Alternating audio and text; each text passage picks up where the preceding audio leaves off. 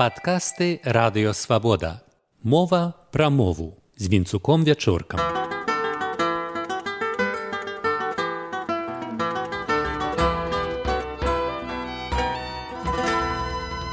Вітаю шаноўнае спадарства. У савецкі час ад вывучэння беларускай мовы ў расейскамоўнай школе дазвалялася адкасіць шматлікія савецкія вайскоўцы адпісвалі ад беларушчыны сваіх дзяцей. У маёй клясе ў берасці такіх была прынамсі чвэрць.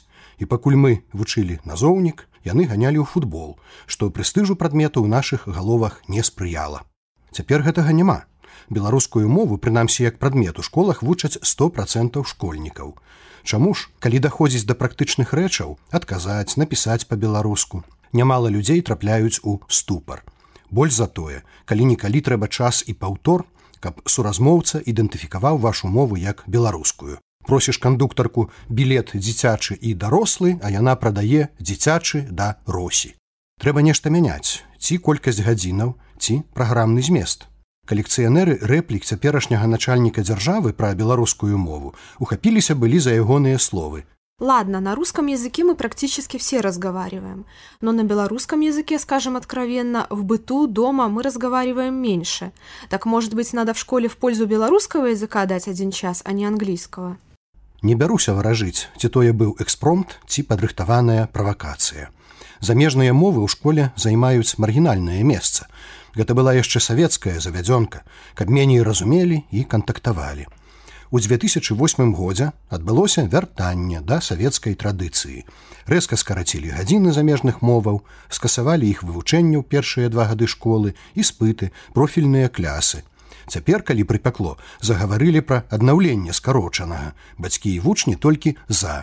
І тут начальнік дзяржавы стварае на роўным месцы канфлікт інтарэсаў, каб нават мікрабеларусізацыі запярэчылі самі бацькі. Але калі на добры лад, ці ёсць рэсурс навучальнага часу на беларускую мову.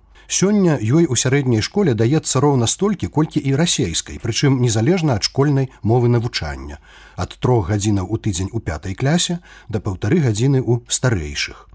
Больш за тое, праграмы беларускай і расейскай моваў фактычна дублююць адна адну, і калі ў малодшых клясах дзеці вывучаюць правапіс спражэнне дзеясловаў ці там сынанімічныя шэрагі якія ў дзвюх мовах рэальна розняцца то ў старэйшых клясах гэта вывучэнне сінтаксычных канструкцыяў разбор сказаў пунктуацыя. Але ж няма патрэбы. Вывучыўшы схему складаназалежнага сказа з даданай азначальнай часткай ці ўсе памятаюць што гэта за звер по-беларуску паўтараць схематычныя квадрацікі і пункціры ўжо на расійскім матэрыяле Вось і эканомяцца у восьмай клясе 50 гадзін, у 9 49 гадзін, у выпускной 30. Вызваляецца адна паўтары гадзіны штотыдзень, акурат на беларускую мову. Але як іх скарыстаць? Цяперашняя міністэрская праграма і намёкам не кажа пра функцыянальнае абмежаванне беларускай мовы ў дзяржаве. Нібыта з ёй усё добра. У выніку школьнік на выдатна робіць разбор сказу, а папрасіць у краме шкарпэткі не ўмее. А трэба ж найперш зняць у дзяцей моўны комплекс, узброіць аргументамі для самасцверджання. Для гэтага пазнаёміць вучняў з базавымі фактамі гісторыі нашай мовы. Грунтоўна вучыць вымаўленню, у тым ліку праз аўдыяванне, слухання, тады і вуха будзе як антэна лавіць беларушчыну. Даць тэматычны лексычны мінімум. Нібыта як для замежных моваў, але гэтага не саромеюцца, скажам, валійцы, што адраджаюць сваю мову ў вуснах дзяцей у эльсу ужываць кантрастыўны метад, нястомна падкрэсліваць, што адрознівае беларускую мову ад расейскай. І ўрэшце натхніць на моўны ўчынак, каб публічна загаварылі па-беларуску у любой сітуацыі. Такі дапаўняльны курс быў створаны ў 90-м годзе для новазаснаванага тады беларускага гуманітарнага ліцэю. Ён называўся гісторыя і культура беларускай мовы прайшоў апрабацыю ў філіях ліцэю горадні светлагорску ды іншых мясцінах. Меў быць рэкамендаваны міністэрствам як кампанент гуманітарнай адукацыі а потым і як база для перагляду асноўнай праграмы вывучэння беларускай мовы ў школах.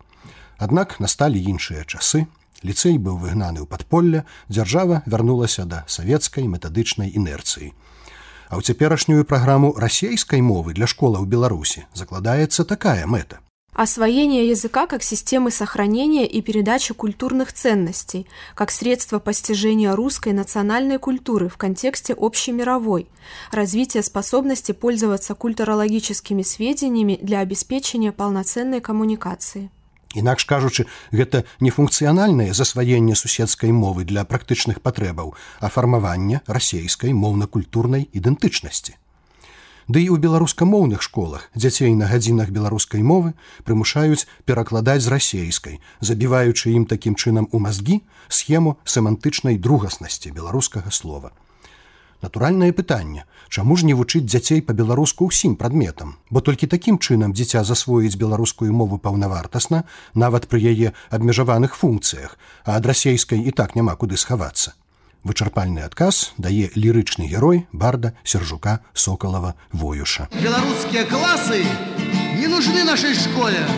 Я где надо узнал я где надо спросил ён стаяў у дзвярох як на браме шумахер раскажеліўшы руки паўны волі і сил ён сказаў по добру убирайтеся нахер я где надо узнал я где надо спросил З вами быў вінцук вячорка.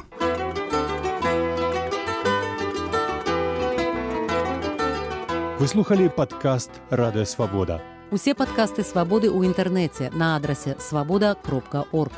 Штодня, у любы час, у любым месцы, калі зручна вам. Свабода кропка орг.